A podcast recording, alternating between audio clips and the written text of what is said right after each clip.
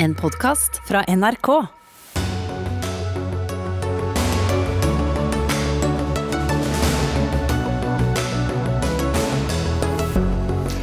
Enda et eh, IT-angrep på Stortinget, det andre på om lag et halvår. Det er et angrep på demokratiet, sier stortingspresidenten.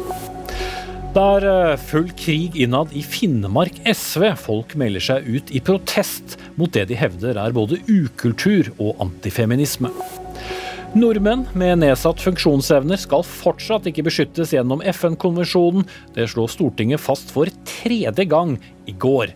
Men flere som stemte mot, er egentlig for. Og i et glohett boligmarked vil flere eiendomsmeglere nå ha slutt på lukkede budrunder. Men er et totalforbud veien å gå? Se der er meglerne uenige. Ja, sier vi riktig god kveld og velkommen til onsdagens Dagsnytt 18. Jeg heter Espen Aas. Senere i sendingen skal vi også innom DNB, som valgte å bruke kvinnedagen på mandag til å få kvinner til å investere i aksjefond, noe Rødt mente var et provoserende misbruk av dagen. Men vi starter naturlig nok denne sendingen med nyheten om at Stortinget enda en gang er blitt rammet av et dataangrep, andre gang på et drøyt halvår.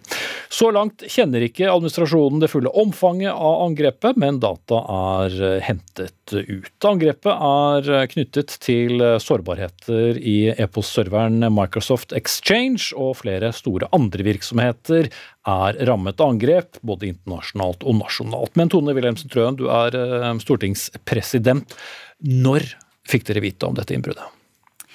Ja, Microsoft gikk jo ut offentlig og uh, fortalte om sårbarheten 2.3. Uh, og Stortinget mottok 5.3 varsel fra Nasjonal sikkerhetsmyndighet om uregelmessig trafikk inn mot våre systemer.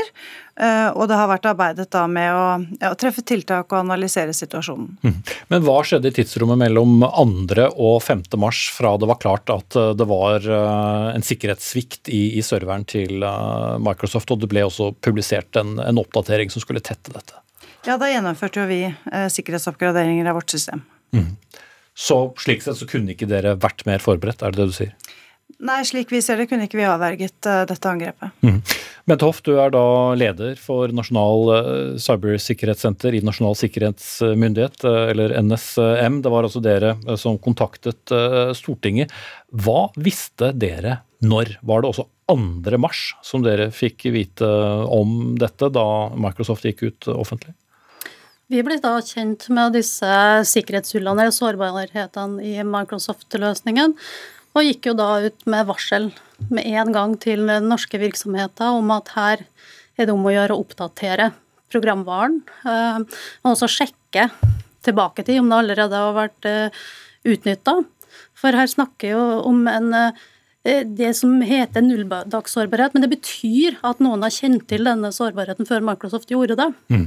Og som har funnet da denne veien inn i, i serveren. Mm. 2.3 blir det publisert en oppdatering den eh, blir da installert, som, som Trøen sier, på, på, Stortinget. Men er det da slik å forstå at da er det allerede for sent? Dette er jo ting vi driver og ser på nå sammen eh, med Stortinget. Eh, men det kan være at dette skjedde før den datoen, ja. Mm. At det var trafikk inn på e-postserverne allerede før 2. mars? Ja, før ja. denne Microsoft gikk ut med mm. informasjon. Men Trøen, hva vet vi om informasjon som er hentet ut? Vi vet at det er data som er, er hentet ut, men hva slags informasjon kan det være snakk om? Nei, det, Vi vet at, eh, at, det er hentet ut uh, data, uh, men vi kjenner ikke skadeomfanget, og det pågår et veldig omfattende analysearbeid. Men finnes det informasjon på denne e-post-serveren som f.eks. kan true rikets sikkerhet?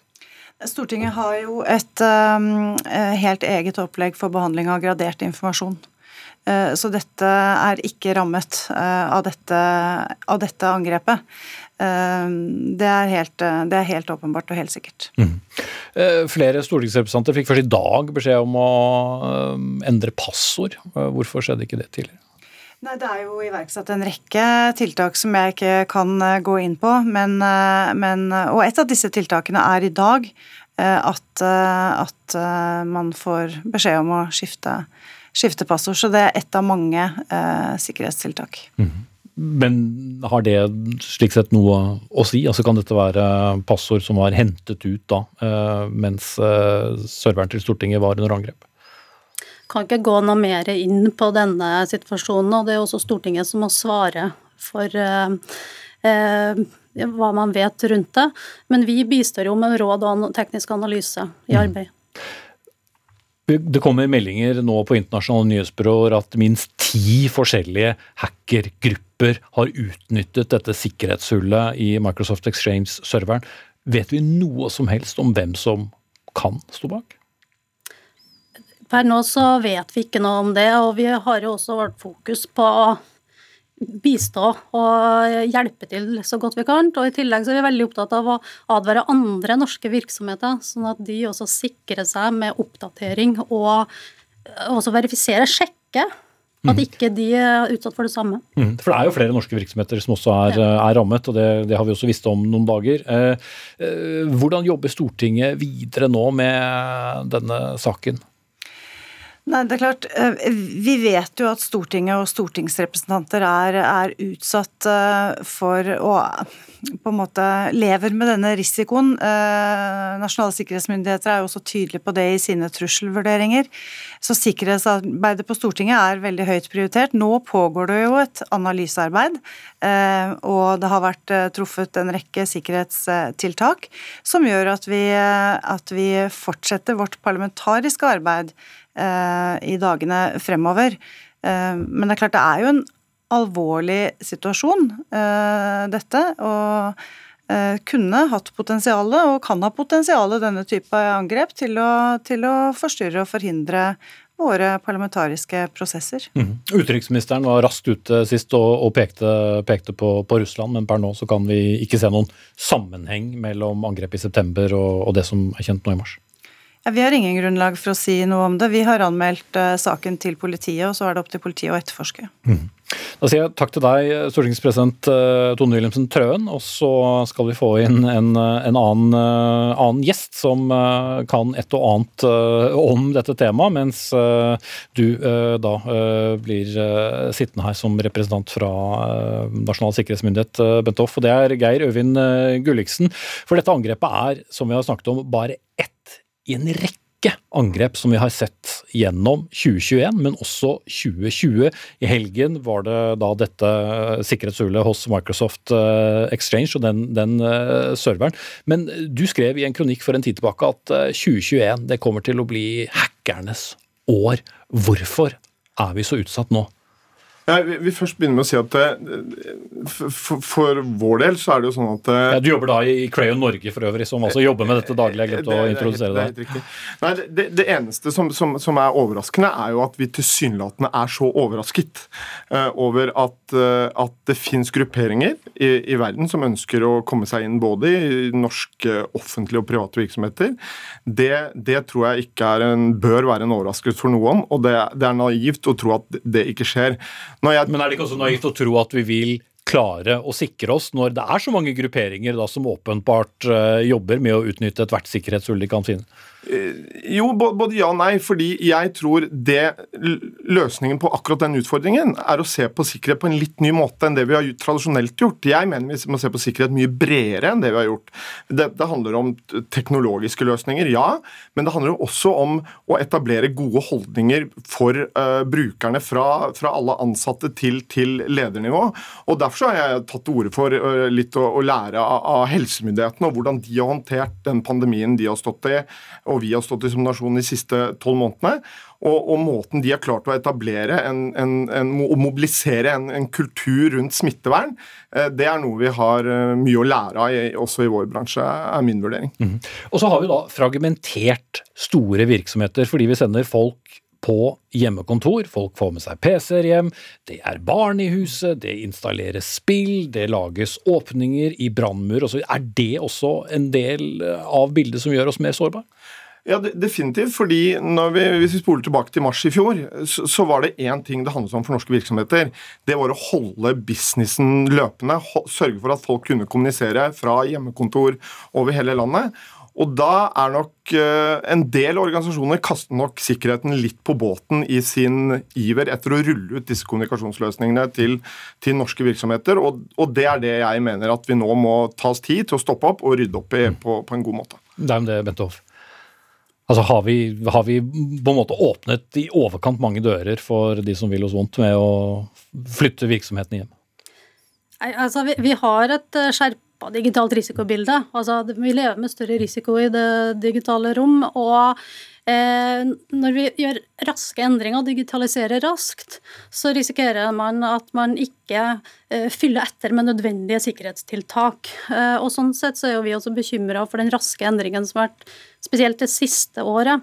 Samtidig så er det verdt å legge vekt på at vi, vi vet, de til, kjenner de tiltakene som stanser de aller, aller fleste dataangrep.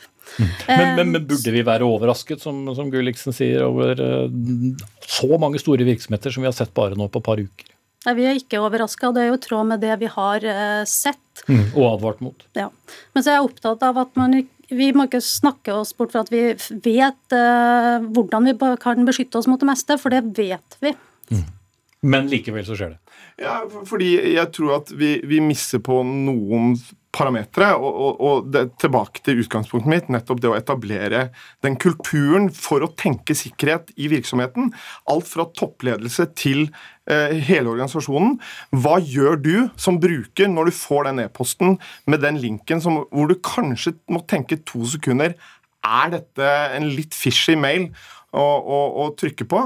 Hvis du må tenke den tanken, da er den antageligvis det. Eh, så, så, så, at vi klarer å etablere den kulturen i organisasjoner og selskaper rundt forbi, det tror jeg er helt essensielt for å lykkes. For du klarer ikke, tror jeg, å, å bare begrense dette med teknologi. Det handler mye om holdninger ute hos brukeren også. Mm.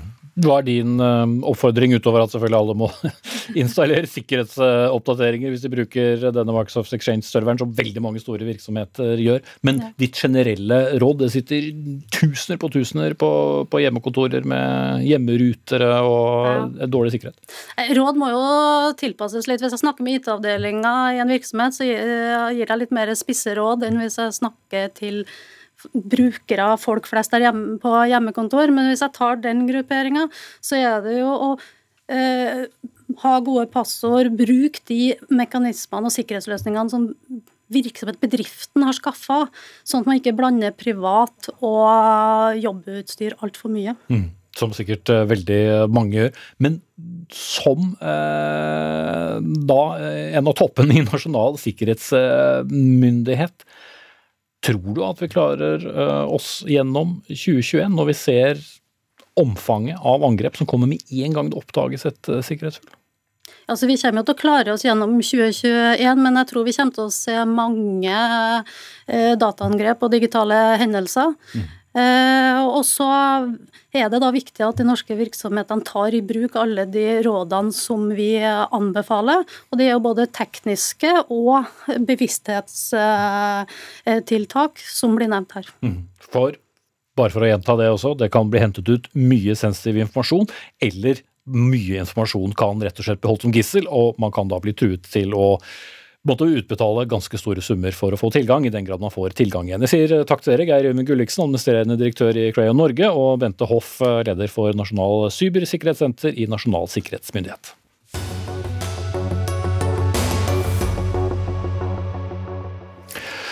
Flere Oslo-skoler avslutter et praksissamarbeid med en kristen høyskole pga. denne skolens holdning til bl.a. homofili. Det blir politisk debatt om dette senere i sendingen. Høyre mener at enkeltskoler ikke må få lov til å kunne ta slike avgjørelser. Men nå skal vi til eh, politikken og en svært betent konflikt i Finnmark SV. For etter at flere tillitsvalgte meldte seg ut av partiet i protest før helgen, så har eh, partiets eh, sentralstyre i går konkludert med at alt har gått lovlig og riktig for seg i nominasjonsprosessen til stortingslisten i Finnmark. Striden i forkant av nominasjonsmøtet i februar har vært preget av harde beskyldninger fra begge sider, og som også bl.a. ble rettet mot partiets nestleder Kirsti Bergstø. Robert Lundgren, du var inntil nylig SV-politiker i Vadsø. Fredag meldte deg ut et halvt år før et viktig stortingsvalg, hvor partiet ditt kan ende opp med regjeringsmakt. Hvorfor var det løsningen din? Det var fordi at uh, slik partiet håndterer antifeministiske holdninger internt, var noe vi i Vadsø, styret i Vadsø SV ikke kunne stå inne for. Nominasjonsleder var styremedlem i Vadsø SV og ble i løpet av uh, vinteren utsatt for en svertekampanje hvor hennes graviditet ble rett og slett brukt mot henne. Hun kunne ikke delta på et intervjumøte, og i etterkant så ble hun anklaga for å ikke ha gjort jobben sin Samtidig lå hun å fødte barn samtidig som det intervjuet skulle skje. Eh, når det blir varsla inn til eh, fylkets partiledelse, så tar man ikke tak. Man reagerer ikke. Det kommer rett og slett ingen reaksjoner. I tillegg så er det nærmest som at man aksepterer en slik eh behandling av kvinner i partiet. Og det finner vi oss rett og slett ikke i. Vi ser på det som et feministisk, progressivt parti, og da skal man ikke drive på med slikt. Men ved å melde dere ut, som så mange har gjort, så får man vel da ikke endret det som, som dere hardnakket mener er en, en, ukultur, da? Ja, det kan du si, men samtidig så når vi meldte oss ut, så kom vi plutselig på Dagsnytt 18 og fikk snakke om det her. Så det viser jo faktisk på at en agenda faktisk kan reises av at man tar et standpunkt og melder seg ut.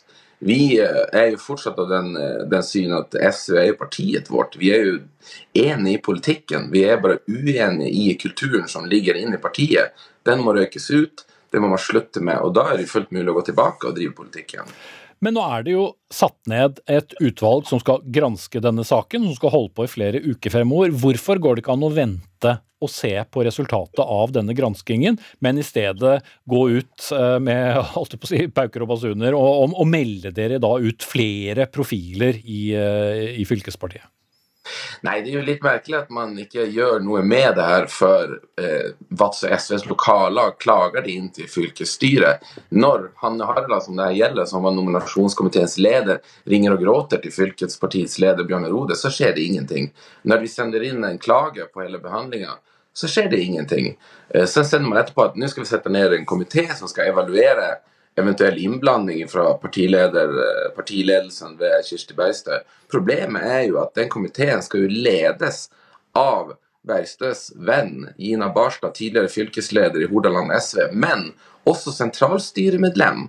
Det er jo bukken så langt ned i havresekken at jeg sliter med å se hvordan man skal ha tillit til den evalueringskomiteen. Og den har jo heller ikke et mandat. Mm. For det eneste Mm. Ja, jeg stopper deg der, eh, Robert Lundgren, fordi eh, tiden eh, er litt knapp. For vi vil også til deg, Audun Herning. Du er partisekretær i, i SV.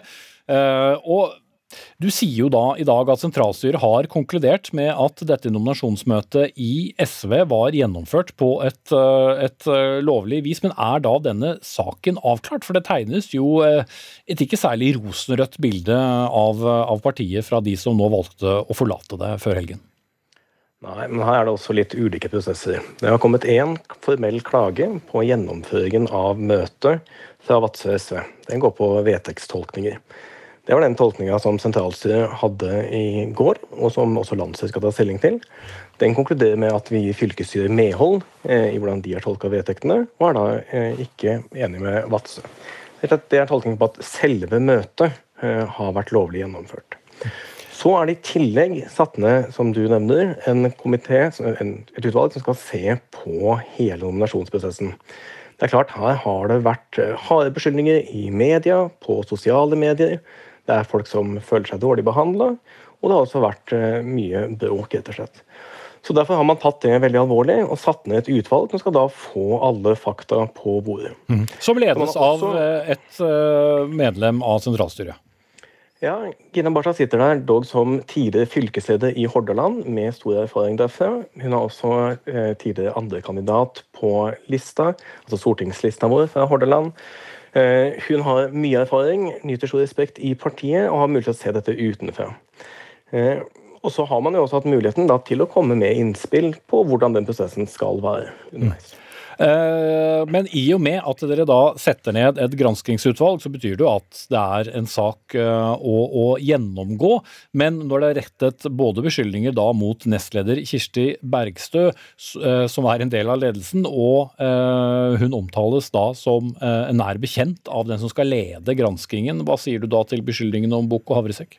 Ja, Det har kommet beskyldninger på en hel prosess som man er misfornøyd med. Altså Både hvordan har blitt, folk har blitt behandla, Eh, de, eh, hvordan man har debattert i media og på sosiale medier og ellers. Derfor er det naturlig at man ser på hele den prosessen som en helhet. Mm. Og Da har da fylkesstyret nettopp satt med en komité hvor det er representanter fra ulike sider i eh, den diskusjonen som har vært, men også da på en måte ledes av noen utafra som har på en måte den muligheten å se ting utenfra. Mm. Men dere som tilhører øverste ledelse i partiet, hvordan ser dere på dette som har pågått? Har ikke dere noe ansvar her?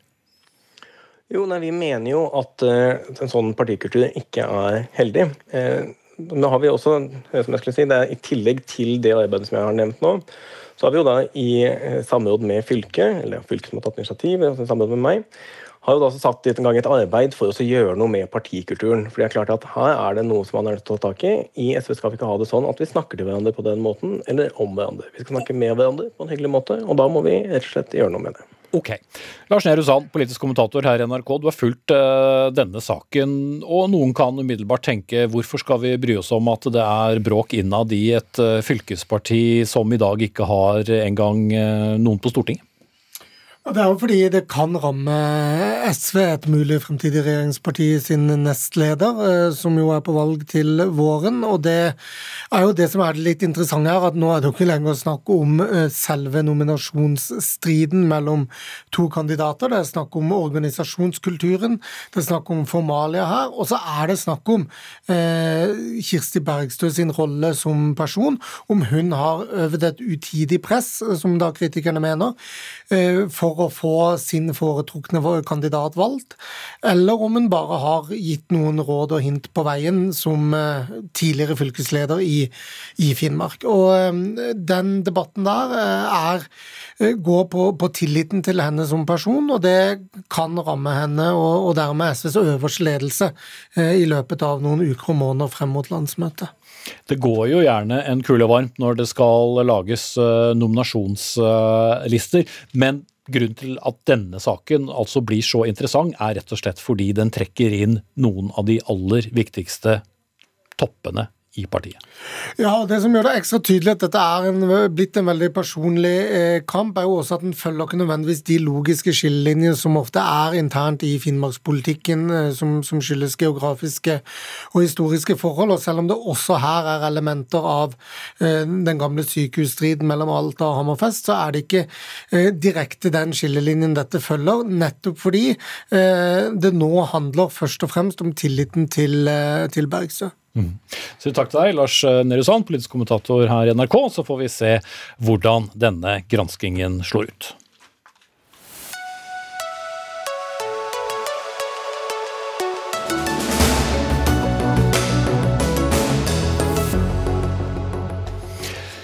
I går sa Stortinget nei for ikke første, ikke andre, men tredje gang å la FNs konvensjon om rettighetene til mennesker med nedsatt funksjonsevner å bli tatt inn i den norske menneskerettighetsloven. Det var SV som fremmet forslag om å inkorporere denne loven, som forkortet heter CRPD. Jeg nevner det med en gang, for det blir sikkert nevnt flere ganger i debatten som nå kommer. De hadde støtte av Arbeiderpartiet og Senterpartiet. Høyre og Fremskrittspartiet stemte nei. Og det gjorde dere også, Hans Fredrik Grøvan, stortingsrepresentant for Kristelig Folkeparti. Men i går kveld så sendte dere ut en pressemelding om at dere skulle fortsette å kjempe for funksjonshemmedes rettigheter, og har det også i partiprogrammet at dere vil nettopp ha inn denne FN-konvensjonen i det norske lovverket. Så hvorfor stemte dere nei? Vi har det for neste periode. Det ligger ikke inne i vårt program for denne perioden. Men vi ønsker å ta et viktig skritt i går i den retningen å inkorporere dette ved å gjøre en eh, konsekvensutredning av hva dette betyr hvis dette blir lagt inn i norsk lovverk. For det er noen problemstillinger som vi må løse, sånn at ikke det å sikre likestilling for funksjonshemmer går utover andre svake grupper. Vi har et eksempel f.eks. på eh, når det gjelder vergemålsordningen i dag, som er et resultat av at noen får et vedtak om tvungen helsehjelp.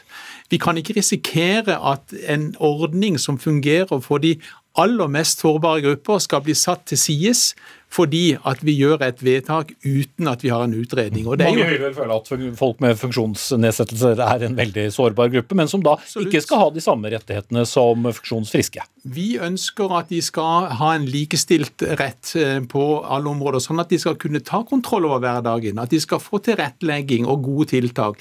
Men vi kan ikke vedta en inkorporering uten at vi har gjort rede for de problemstillingene som dette må medføre for andre sårbare grupper. Og Vergemålsordningen er en av de. En annen ordning ja, Vi tar ikke alle eksemplene. Nei. Karin Andersen, stortingsrepresentant fra SV, var kanskje ikke så overrasket over at eh, det endte slik. Men hva, hva betyr dette i praksis, slik dere ser det? Nei, det var jo et tilbakeslag. Altså, dette handler om å likestille menneskerettighetene for de med funksjonsnedsettelse med andre menneskerettigheter, slik som vi har gjort med Barnekonvensjonen og Kvinnekonvensjonen og Rasismekonvensjonen. De har vi jo tatt inn i norsk lov. Så det er det dette handler om. Men Er du enig med Grøvan og for så vidt også Høyres bekymring over at dette vil gå utover andre grupper? Nei, jeg skal, jeg skal komme tilbake til det, men jeg har lyst til å si det som Grøvan sier nå. Dette var jo et steg tilbake. For det, det var jo ikke et forslag om at vi skal gjøre det, men om vi skulle gjøre det. Og Det betyr jo at man, det er et helt åpent spørsmål. Man kan jo konkludere nei, og statsråden var oppe og sa at dette forslaget betydde slett ikke at man skulle si ja. Og så er det til alle disse eh, motforestillingene som kommer. Jeg hadde virkelig ønska at Kristelig Folkeparti og også regjeringa hadde tatt kontakt med Nasjonal institusjon for menneskerettigheter og hørt hva de har å si om disse, alle disse bekymringene, eller noen av organisasjonene. For de eksemplene som Grøvan nå tar opp, de er jo prøvd i land som har inkorporert dette, og det er ikke noe problem her. Man overdriver disse problemene veldig. Og for, hvis vi skal gå til vergemålsloven, den er det behov for en stor revisjon av. Tolga-saken burde jo være en vekker på det. Altså man man setter folk under verge som ikke skulle hatt det. Det, vi, det FN har sagt vi ikke har lov til, er å bare se du har en diagnose som utviklingshemming. Derfor eh, setter vi, må du under vergemål. Ja. ja. Og det er ikke lov. Og det har Norge gjort. Og Sånn er, kan Norges, eh, den loven vi har i dag tolkes, og det må forandres. Men det er jo til det gode. Fordi mange som fulgte debatten eh, i går, selv om det var mange andre nyheter som dominerte i går, og som har fulgt debatten både her i Dagsnytt 18 og andre steder tidligere, synes jo det virker litt rart når det er to regjeringspartier, både dere og Venstre, som i utgangspunktet jo sier at dere vil sikre disse rettighetene, men så ser det ut som da, når det er partier i opposisjonen som foreslår det, så kan ikke partier i posisjon eh, stemme med? Ja, jeg må jo innrømme at jeg forstår at folk syns det er litt rart. Samtidig så må jeg jo si at eh, jeg syns det er også veldig rart at ikke SV kunne være med på det første steget om ikke de fikk, inn, eh, fikk gjennomslag for det optimale. Og jeg må jo også minne Karin Andersen om at når denne konvensjonen ble ratifisert i 2013, så stemte jo ikke SV for en, eh, en inkorporering av, av konvensjonen. Mm. Så de har jo hatt muligheten før. Men det som er poenget vårt det er at, debatt om hva som skjedde for åtte år siden nå. Jo, men, men, det som er poenget vårt, det er at hvis du skal gjøre endringer i lovverket, så må du vite hva du gjør, og du må også ta konsekvensene av det. Og da må vi få retta opp de tingene. Jeg tror også, som Karin Andersen sier, at det går an å gjøre noe med dette. Men la oss få kartlagt dette, sånn at vi vet hva vi gjør, og hvordan vi kan ta vare på mm. også andre men, men la meg ta inn en tredjeperson som har lyttet til dere nå. Det er deg, eh, Berit eh, Vegheim. Du er leder for Stopp diskrimineringen, en stiftelse som jobber for å bekjempe alle former for diskriminering av funksjonshemmede. Nå har du sittet og hørt litt på partienes eh, diskusjon med, med hverandre. Hvordan oppsummerer du det? Nei, jeg oppsummerer det vel slik at eh, jeg er glad for at det kommer rett på bordet her hva dette står om. Det står om de mest grunnleggende sivile rettigheter eh, et menneske kan ha, og det er nedfelt allerede i FNs konvensjon om sivile og politiske rettigheter som er innarbeidet i menneskerettsloven. Det som Tetzschner altså kalte her i Dagsnytt 18 for 14 dager siden for de egentlige rettigheter. Dette med vergemål, umyndiggjøring og dette med bruk av tvang, det er jo nettopp disse her veldig grunnleggende sivile rettigheter. Så de er allerede i norsk lov, og det står jo ikke i den konvensjonen noe sted at det gjelder noe unntak for folk på grunnlag av funksjonsnedsettelse. Og så er det viktig å si at nå har de hatt mange år til å, hvis de vil, å finne ut av dette. Vi har ikke sett så mye vilje hos politiske partier til å ønske å finne ut hva dette egentlig er. Pluss at FN altså har kritisert Norge, ikke bare denne komiteen som alle mener ikke er god nok, altså den som mistenkeliggjør denne komiteen bl.a. fordi det er mange funksjonshemmede som jobber for rettighetene sine der. Som om ikke kvinnekonvensjonen er fullt av kvinner som jobber med sine rettigheter, liksom. Så det går liksom mye på komiteens tolkning. Og, Men, men det, ja, men så har vi, Du nevnte en representant fra Høyre som har diskutert dette. Vi har KrF her. eh, Og en viss historikk eh, på, på å stemme nei. Og stadig får vi da et stortingsflertall imot. Hvorfor tror du det blir sånn, sett fra deres ståsted?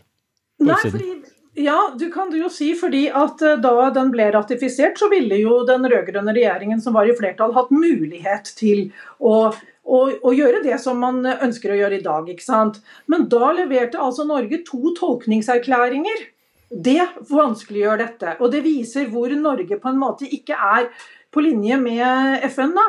Altså Norge leverte to tolkningserklæringer som på en måte eh, hvor man tar seg retten til, forbeholder seg retten til å fortsette å bruke et såkalt tvungen helsehjelp. Hvordan man får til det. Tvang, altså tvangsinnleggelser, tvangsmedisinering osv. Og, så og det å umyndiggjøre folk. Det er et problem for Norge uavhengig av regjering. Og så kommer noen partier etter hvert nå og sier at dette kan vi ikke holde på med, for det er nesten ingen andre land i verden som har eh, reservert seg mot disse rettighetene, altså disse grunnleggende rettighetene. Ja, Takk til deg, eh, Vegard. Eh, Og så må vi jo da, Hans Fredrik Øvan, eh, bare konstatere at inntil videre, og jeg vet ikke hva slags tidsforløp du og ditt parti eh, ser for dere, men inntil videre så er det da eh, noen som ikke ha, skal ha de samme rettighetene som, som andre når det gjelder hvem som skal bestemme over dem. Ja, dessverre så er det det. En utredning ville ha tatt noe tid, men eh, vi vil kunne da Hvor lenge er noe tid? Ja, eh, noen måneder, kanskje opp til et år. Men jeg håper at ikke vi har gitt opp denne saken denne våren her. Og for KrF så vil det være viktig å få opp denne saken igjen. Eh, og kjempe for at vi skal ta det skrittet videre. Men vi må få klargjort dette, for det er jo som Berit Vegheim sier her.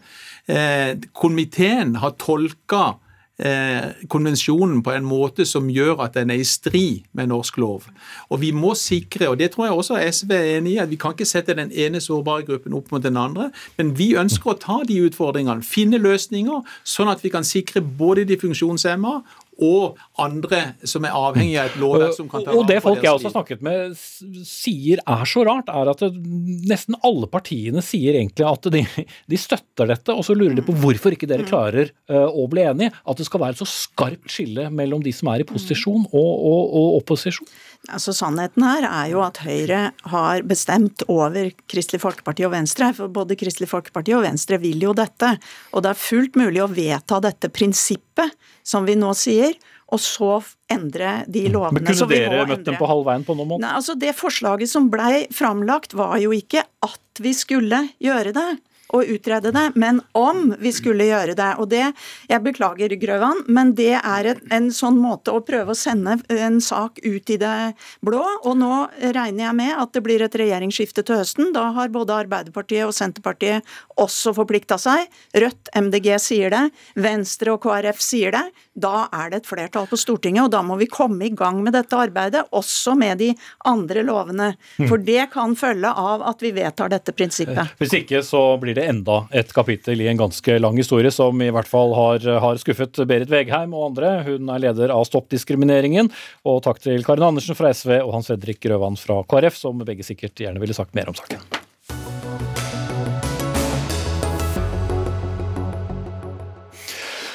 Samtidig som kvinnedagen ble markert på ymse digitale vis på mandag, så ble også norske kvinner invitert til å være med i noe som het Girl Power Movement-møte den kvelden. Hensikten var at kvinner skulle bli inspirert av andre kvinner til å investere i fond, det hele i regi av finanskonsernet DNB.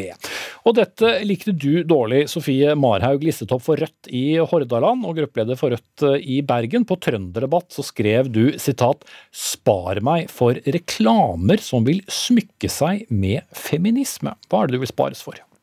Nei, altså Jeg mener jo at eh, DNB eh, først og fremst er et eh, finanskonsern, ikke en frelsesarmé og heller ikke en politisk bevegelse.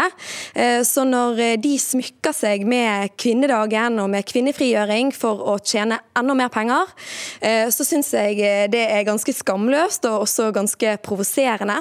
Ikke minst i lys av at de de siste fem årene har ført en ganske hard rettssak mot 180 000 000 kunder, eh, småsparere, eh, i alle instanser så de tapte i Høyesterett. Så jeg forstår godt at de trenger en reklamekampanje for å renvaske seg sjøl, men de trenger ikke å late som at det har eh, noe med kvinnefrigjøring og likestilling å gjøre. Ja, Aina Lemon Lunde, du er direktør for marked og digitalt salg i, i DNB. Fin anledning til å bruke kvinnedagen til å skaffe dere noen flere kunder? Altså, vi tenker jo at eh, økonomisk likestilling absolutt er relevant på kvinnedagen. Eh, vi har et kapitalgap i Norge, og det tenker vi er viktig å adressere. Og vi ser jo at nettopp eh, Hun investerer-satsingen vår har siden 2019 forløst et stort engasjement rundt økonomi i Norge, og at vi har et rekordstort antall kvinner nå som entrer fonds- og aksjemarkedet og er i ferd med å gjøre sitt for å tette kapitalgapet. Men driver Nordens største finanskonsern med likestillingspolitikk? Eller driver dere butikk? Det er vel butikk? Altså, det er absolutt lov å ha to tanker i hodet samtidig her. Det er klart at det er lønnsomt for banken at flere sparer, investerer, kjøper fond og aksjer, men det er også bra for økonomisk eh, likestilling. For vi vet at eh, per i dag så er 79% av aksjeverdien på Oslo Børs den er i hendene på menn. Sånn at eh, dette her er ting som går hånd i hånd, både bankens interesser og også vårt samfunnsansvar. Men realistisk sett, det vil vel ikke endre seg veldig mye om noen hundre eller noen tusen kvinner satte pengene sine i fond. Det er klart at det kommer til å endre seg hvis nok kvinner gjør dette over tid. Og så har vi jo sett at disse tallene har stått bom stille veldig veldig lenge, og til og med på enkelte parametere gått tilbake. Det begynte å endre seg i 2019, og vi ser at det er potensial for store endringer. For bare tre uker etter at vi startet eh, denne satsingen, så så vi for første gang at kurven med nye kvinnelige fondskjøpere passerte kurven med nye mannlige fondskjøpere i Norge. Mm. Det har ikke skjedd før, og det skjedde altså bare i løpet av tre uker. Ja, Marhaug, det er altså Norges største bank, Nordens største finanskonsern. Det betyr jo ikke at ikke de kan påvirke samfunnsutviklinger? Eh, det er klart at de kan påvirke samfunnsutviklingen, og det eh, skal ikke på en måte nekte for, men det er ikke eh, av konsern som DNB at vi har fått eh, kvinnefrigjøring eh, fram til nå. Eh, og det er helt riktig at DNB er veldig flink til å ha to tanker i hodet samtidig. Det hadde de f.eks. under pride, så de smykket seg med i Norge, men ikke i Baltikum, fordi det er ikke like populært og lønnsomt å smykke seg med der. Så jeg ser først og fremst på denne kampanjen som en anledning til å tjene enda mer penger fra, for DNB. Og det kapitalgapet som de snakker om, det er interessant. fordi hvilken kapital er det eh, damer egentlig skal investere? Eh, det vi går i tog for på 8. mars, og det de offisielle 8. mars-arrangementene handler om, det er likelønn. Det handler om retten til faste, hele stillinger. Det handler om å ikke eh, være nødt til å balansere deltid med omsorg i hjemmet. Det handler om å tilrettelegge arbeidslivet på en helt annen måte for kvinner. Det er de store feministiske sakene i dag. Og det er sånn at Uh, uansett hvor mye liksom, DNB snakker om uh, likestilling for noen kvinnelige milliardærer eller arvinger, så hjelper ikke det det store flertallet av kvinner som vi går i tog for på 8. mars. og at DNB nå ser det som beleilig å smykke seg med eh, den eh, retorikken. Det er en provokasjon, og det er ganske skamløst. Ja, Lunde. Det er ikke så mange paroler jeg har sett i 8. mars-tog, da 8. mars-togene gikk som vanlig med 'vi vil investere mer i fond'. Nei, og alle disse temaene som tas opp her, er jo kjempeviktige. Så det er absolutt ikke det som en erstatning for noen av disse sakene som trekkes opp her, men heller et supplement. For vi vet jo at selv om alle lønninger i Norge blir likestilt i dag mellom kvinner og menn, så ville menn fortsatt ha tjent 43 milliarder mer enn kvinner. Og Det handler bl.a. om hvordan menn investerer pengene sine. Og så ser vi jo at det er ikke så svart-hvitt at det enten er sånn at, ikke, at, kvinner ikke har penger å investere, eller mye penger å investere. For vi ser at flere av henvendelsene vi får, det handler om hvordan kan jeg komme i gang og spare f.eks. 50 kroner i måneden, hvordan kan jeg begynne å bygge en Det er ikke mye kvinnerevolusjon over 50 kroner i måneden? Mara? Det er et sted å starte. Ja, nei, altså det som òg eh, er verdt å poengtere her, er at eh, DNB særlig snakker om minstepensjonister. Og Problemet til kvinnelige minstepensjonister, de det er mange av, det er ikke at de eh, liksom ikke visste hvor de skulle sette kapitalen sin.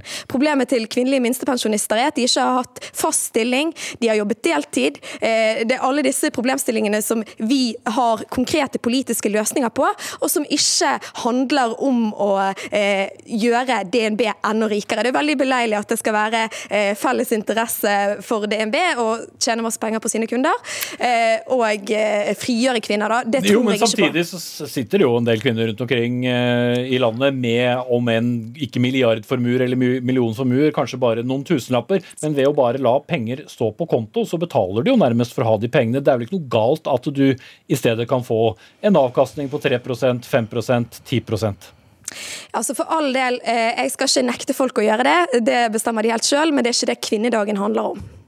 Ok. Vi får se om det blir noen paroler for flere kvinner i, i fond ved neste vanlige 8. mars-markering. Takk til Aina Moen Lunde, direktør for marked og digitalsalg i DNB, og Sofie Marhaug Lissetopp for Rødt i Hordaland.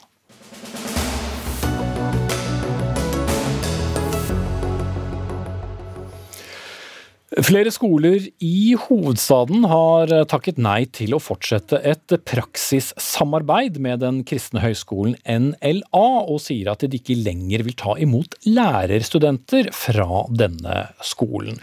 Grunnen til dette er skolens syn på ekteskap, homofili og abort, har vi kunnet lese i en rekke artikler i avisen Vårt Land. Og Thomas Jensen, du er rektor ved Baksås skole i, i Oslo, som har da valgt å avslutte samarbeid.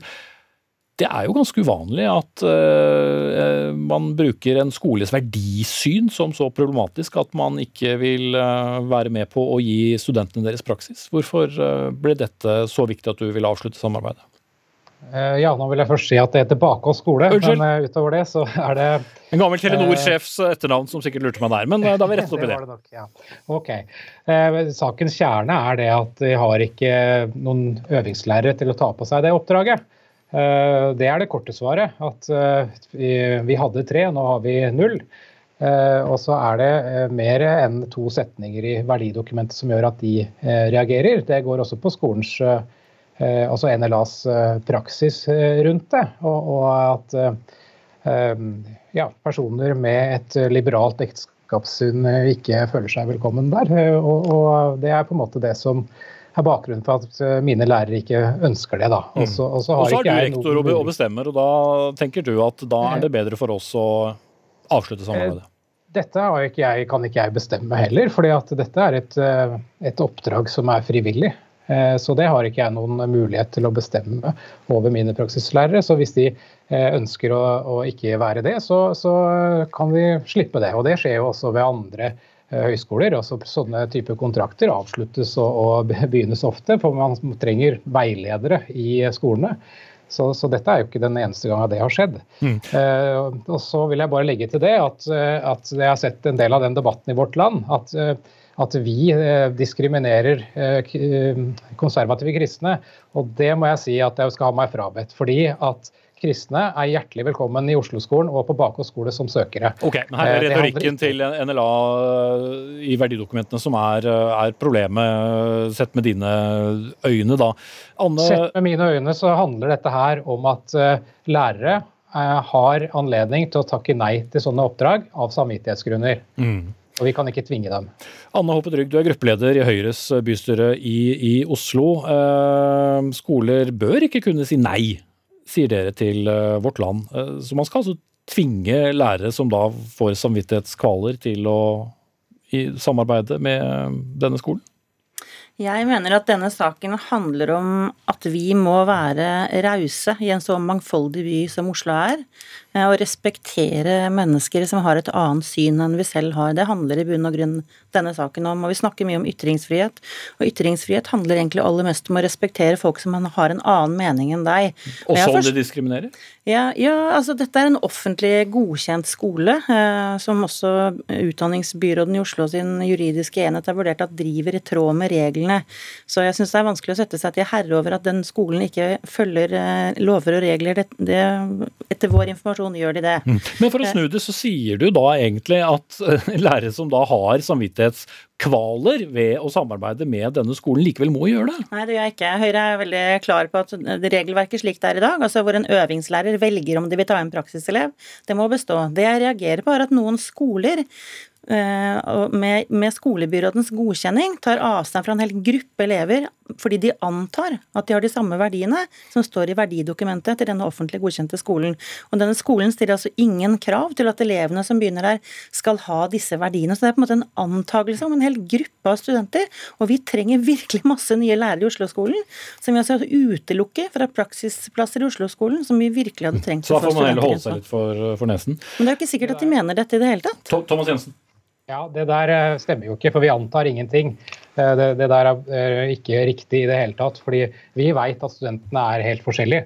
Eh, og vi har ikke noe å utsette på studentene. Så vi vil gjerne ha studenten hit. Jeg har til og med ansatt en som tilkallingsvikar nå i koronatida, så det har ikke noe med det å gjøre. Og det har ikke noe med at vi ikke ansetter folk med det ekteskapssynet å gjøre.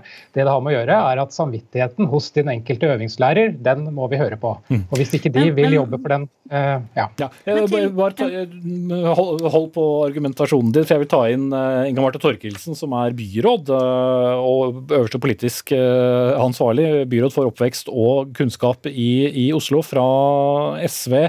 Hvordan skal dette egentlig praktiseres når det er en offentlig godkjent eh, utdanningsinstitusjon, Torkelsen? Jeg syns egentlig at Thomas Jensen redegjør veldig godt for det. Jeg er altså rektor på Bakås skole på vegne av de fem rektorene og skolene og deres øvingslærere, som nå har eh, gått til det skritt å si at de ikke ønsker å stille opp for NLA på den måten som eh, NLA ønsker, nemlig ved at de da må også slutte seg til det verdidokumentet som er så omstridt. Og hvor de føler at de må gå på tvers av sin egen samvittighet. Det er jo som Thomas Jensen sier, sånn at det er opp til hver enkelt øvingslærer om de ønsker å stille opp. Og hvis de ikke ønsker det, så er det ingen som kan tvinge dem heller. Og jeg syns det er ganske uredelig og egentlig litt dårlig gjort overfor rektorene, som har gjort en veldig grundig vurdering av dette her, og som ønsker å stille opp for lærerne sine, men også stille opp for studentene. Også studenter fra NLA. At de skal bli tillagt en holdning at de ikke ønsker å ta imot konservative kristne i sine skoler, for det er helt feil. Men, men det praktiske utfallet av dette Torkelsen, er jo likevel at det vil jo da være en rekke uh, lærerstudenter, lærere som trengs i, skolen, som ikke får den praksisplassen. Men det er du da komfortabel med?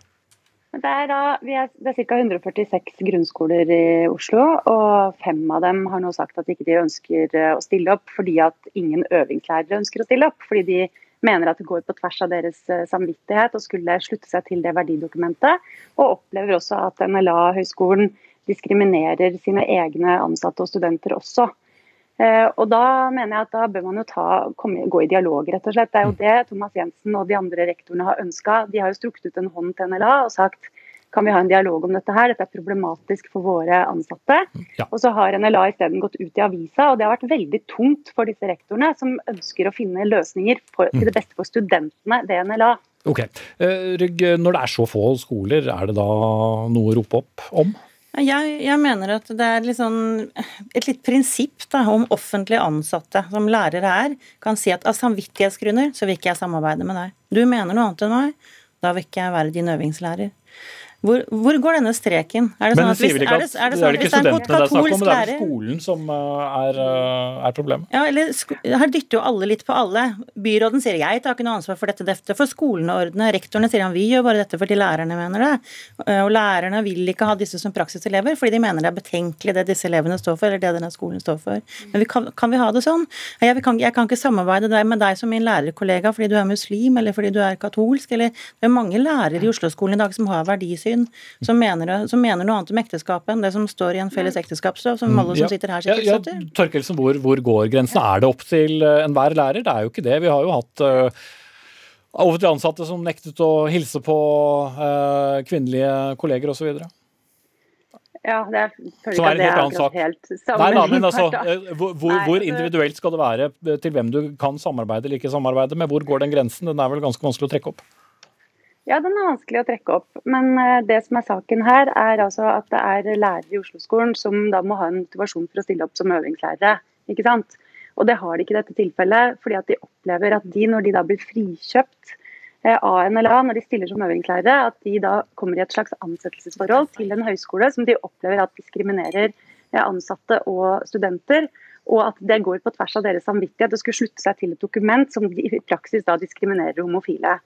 Eh, og Det tror jeg også handler om at mange av dem må ha erfaring med at de har elever som ikke kommer ut av skapet, som opplever det som veldig vanskelig å skulle uttrykke at de er skeive. Men det jeg har lyst til å ta avstand fra, det er å si at dette handler om at man ikke ønsker å ha studentene. Eller at man ikke ønsker ha studenter med avvikende holdninger. Fra både rektor og deg. Og Da bør man høre etter også, og ikke prøve å, å snu rundt på denne her og fortsette å, å fremme de påstandene. fordi at det sårer faktisk rektorer som prøver å gjøre en hederlig jobb, og praksislærere okay. som egentlig ønsker å stille opp for studenter. Til, til dette, så jeg tror vi alle er enige om at praksislærerne skal velge om de vil ta inn eh, studenter eller ikke. så Det, det er utenfor denne diskusjonen. Men jeg vil, vil, påpeke at det er helt feil dette som sies her, at disse praksislærerne får et ansettelsesforhold til NLA. De er fortsatt ansatt på sin skole, og de får sin lønnsslipp fra Utdanningsetaten. Det er slik at NLA og alle andre skoler som får praksiselever inn i Oslo-skolen, har en avtale med Utdanningsetaten, og det er med utdanningsetaten at disse praksislærerne eller øvingslærerne mm. får lønnen sin. Så men, dette er helt misvisende. Men, men, men, hvis dere da styrte hovedstaden igjen, ville dere da sagt at som lærer så kan du ikke reservere deg mot å samarbeide med noen som kommer fra en institusjon, hvis verdisyn du er dypt uenig med. Det må du bare godta. Bare for å svare kort på det helt slutt. Ja, altså jeg er veldig opptatt av at Oslo-skolen skal stå for toleranse, og stå for ytringsfrihet og stå for et meningsmangfold. Og det som må være regelen her, er at de institusjonene, Utdanningsetaten, Oslo-skolen som helhet har en avtale med, de må kunne ta imot praksiselever. Eh, de må Oslo, alle Oslo-skolene kunne ta ut praksiselever fra, og så vil det være opp til den enkelte øvingslærer om man vil være øvingslærer det semesteret eller ikke. Men, men, det handler om øving, altså å si ja eller nei til en elev basert på hva eleven mener. Det er det jeg tar fullstendig avstand fra. Mm. Men her sånn var det institusjonen de kom fra. Jeg tror ikke vi kommer uh, videre her. Jeg, jeg, jeg, takker dere av. Anne Håpe Drygg, gruppeleder i Høyre i Oslo. Inga Marte Torkelsen, byråd for oppvekst og kunnskap i hovedstaden fra SV. Og Thomas Jensen, rektor ved Bakås skole.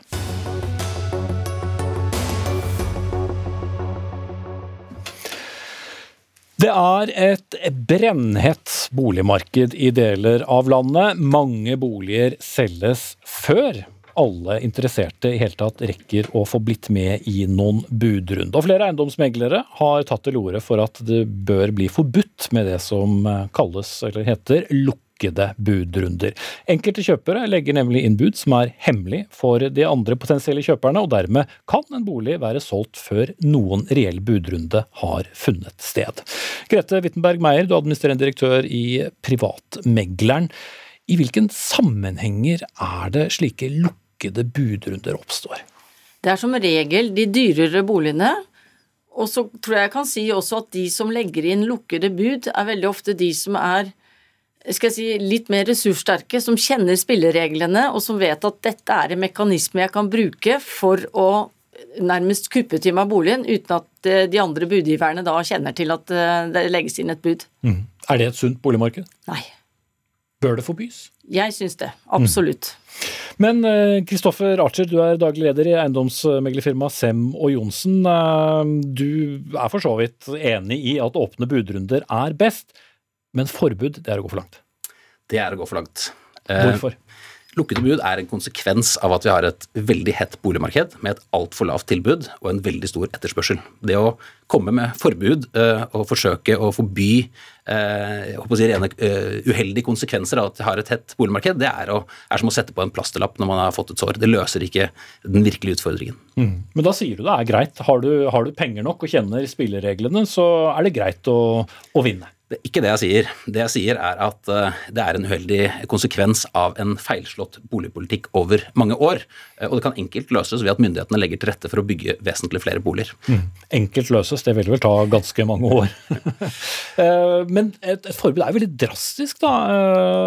Meyer, er det, er, det, er, det, er det, bra for dere i, i, bransjen? Er det bra for, for selgere? En selger vil jo bare bli kvitt boligen til høyest mulig pris. Ja, jeg mener faktisk ikke det er drastisk i forhold til å sikre forbrukere Eiendomsmeglingsloven er laget for å sikre en trygg handel.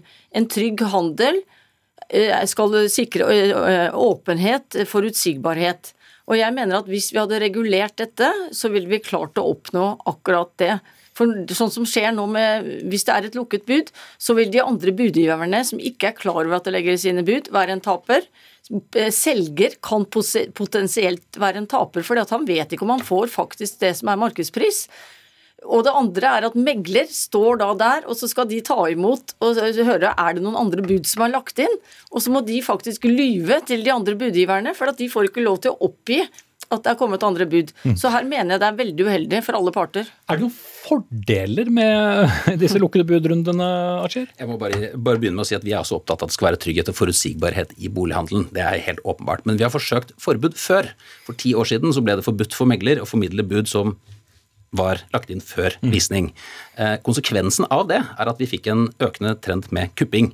Hvis vi hver gang vi ser en uheldig konsekvens av en, et hett marked skal komme med forbud, så vil vi bare eh, oppfordre til enda mer kupping, enda mer mm. flere handler. Som er et annet fenomen som er blitt veldig vanlig. Som er konsekvensen av akkurat det samme. Men, men er, til det jeg egentlig spurte om da, er det noen fordel å ha åpenbart. disse eh, lukkede budrundene? Ja, helt åpenbart. Vi har jo lagt opp bolighandelen i Norge etter auksjonsprinsippet. og I det så ligger det at uh, kjøperne vil jo gjerne ha boligen så billig som mulig, og selgerne vil ha det så dyrt som mulig. Mm. Det å ha en mulighet, altså Et lukket bud er i utgangspunktet bare en invitasjon fra en interessent uh, til selger om å gå inn i en én-til-én-forhandling om å få til en handel. Og Det er et verktøy som jeg tenker at er greit å forholde seg til. Det er først når disse lukkede budene kommer midt inn i åpne eller allerede åpne budrunder, at dette skaper virkelig stor frustrasjon. Meier. Ja, jeg er ikke helt enig. Jeg mener som sagt at det bør forbys. En boligtransaksjon er noe av det dyreste vi gjør gjennom livet vårt. Men bestemmer oss på kortest tid. Ja. ja, det er akkurat det vi gjør. Og da at vi ikke har forutsigbarhet, ikke har en åpenhet og vet hva som faktisk skjer i den budrunden vi er med på, det mener jeg er helt feil. Og jeg er der at jeg ønsker at det skal reguleres i avhendingsloven, sånn at vi ikke får de smutthullene som du snakker om, ved at man kan gå direkte til selger og komme med et bud. Mm. Men er det noe som hindrer deg og ditt firma og dine meglere til å si, hvis det kommer da et lukkebud, si vet du hva, her kjører vi åpne prosesser. Mm. Ville da f.eks. Semmo Johnsen, som sitter på andre siden av bordet her, ha en konkurransefordel ved å være åpne for det? Altså, det vi gjør hos oss, da, for å si det sånn, i Privatmegleren, det er at vi oppfordrer ingen selgere til å ta imot lukkede bud. Samtidig så er det lovlig å ta imot lukkede bud, og vi syns det er vanskelig å heve seg over loven. Så hvis en selger sier at dette ønsker jeg å gjøre, så gjør vi de oppmerksom på at det er ikke sikkert du klarer å oppnå markedspris, men det er ditt valg til syvende og sist. Mm. Hva svarer du, da? Det er på akkurat samme måten som vi håndterer det, men vi må også huske på at uh, gjennomsnittlig antall budgivere på norske boligtransaksjoner er 1,3. Det mest vanlige er at det er en forhandling mellom én interessent og én selger. Eh, og Dermed så eh, er det eh, jeg, den, den, den, største folkesporten i norsk boligomsetning, det er å ikke bli først. Mm. Når man har lagt opp hele boligmarkedet etter auksjonsprinsippet, så må man også ta konsekvensen av det. Det er en god del taktikkeri. Og, og lukkede bud, i mine 20 år i boligmarkedet, har aldri opplevd at lukkede bud i seg selv har vært et problem. For det er vi vant til å håndtere, og vi kan håndtere det på en god måte. Og det er en veldig utbredt misforståelse at det har noe med dårlig tid å gjøre. For veldig ofte i slike forhandlinger så er det ikke dårlig tid, det er god tid. Men det boligmarkedet som vi ser i deler av landet nå, har du kanskje ikke sett så ofte heller? Som er så hett, så Nei. få boliger og så mange som blar opp? Det er ikke så mange år siden de var der, og da hadde vi akkurat den samme trenden. Og Derfor så bør man heller gå til kjernen av problemet istedenfor å prøve å sette på plasterlapper ved å hele tiden innføre nye forbud. Da er jeg redd de går oss vill. Mm. Mer til slutt. Ja, nei, jeg er faktisk ikke enig i det. For det er ikke å sette på et plaster. Hvis vi setter på en, en lovregulering her, så vil vi kunne klare oss å stoppe det. Og det er de konfliktene vi har hos oss, de er veldig ofte knyttet til lukkede bud. Det er noe av det vanskeligste vi driver med, og det er alltid noen som vil føle seg som den tapende part i en sånn prosess. Mm. Vi har hver dag satt en tidsfrist til 1859. Da skal vi være ferdig med den sendingen, så jeg takker av Grete Wittenberg Meyer fra Privatmegleren og Kristoffer Ascher i Sem og Johnsen. Ansvarlig for denne sendingen det var Anne Katrine Førli. Det tekniske ansvaret det hadde Eli Kyrkjebø. Jeg heter Espen Aas, og vi er tilbake igjen i morgen til samme tid. Takk for nå.